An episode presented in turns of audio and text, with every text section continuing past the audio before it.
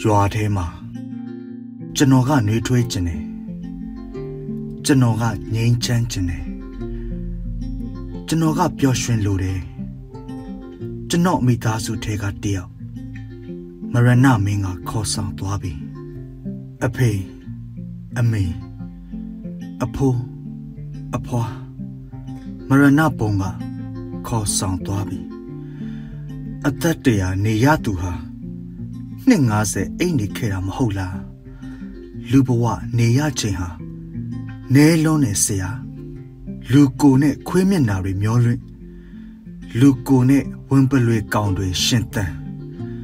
လူကိုနဲ့ယုံမျက်နာလေးဟာ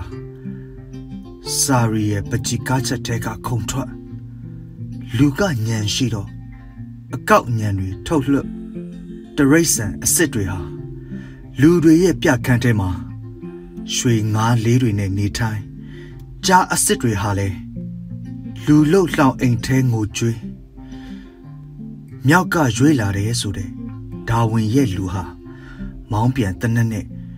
လူအချင်းချင်းတက်ဖြတ်ပိုင်းထားတဲ့တိုင်းပြည်နဲ့လူမျိုးစုတွေထဲကြည့်လေရိုင်းသွားတဲ့သမိုင်းတွေကြီးပဲမဟုတ်လားအခုနှစ်ကကိုးပြီ အချက်ဟာမဖူးသေးဘူးလွတ်လပ်ရေးရပြီးကတည်းကကန်းကုံတာကြာပေါ့ရွာထဲမှာ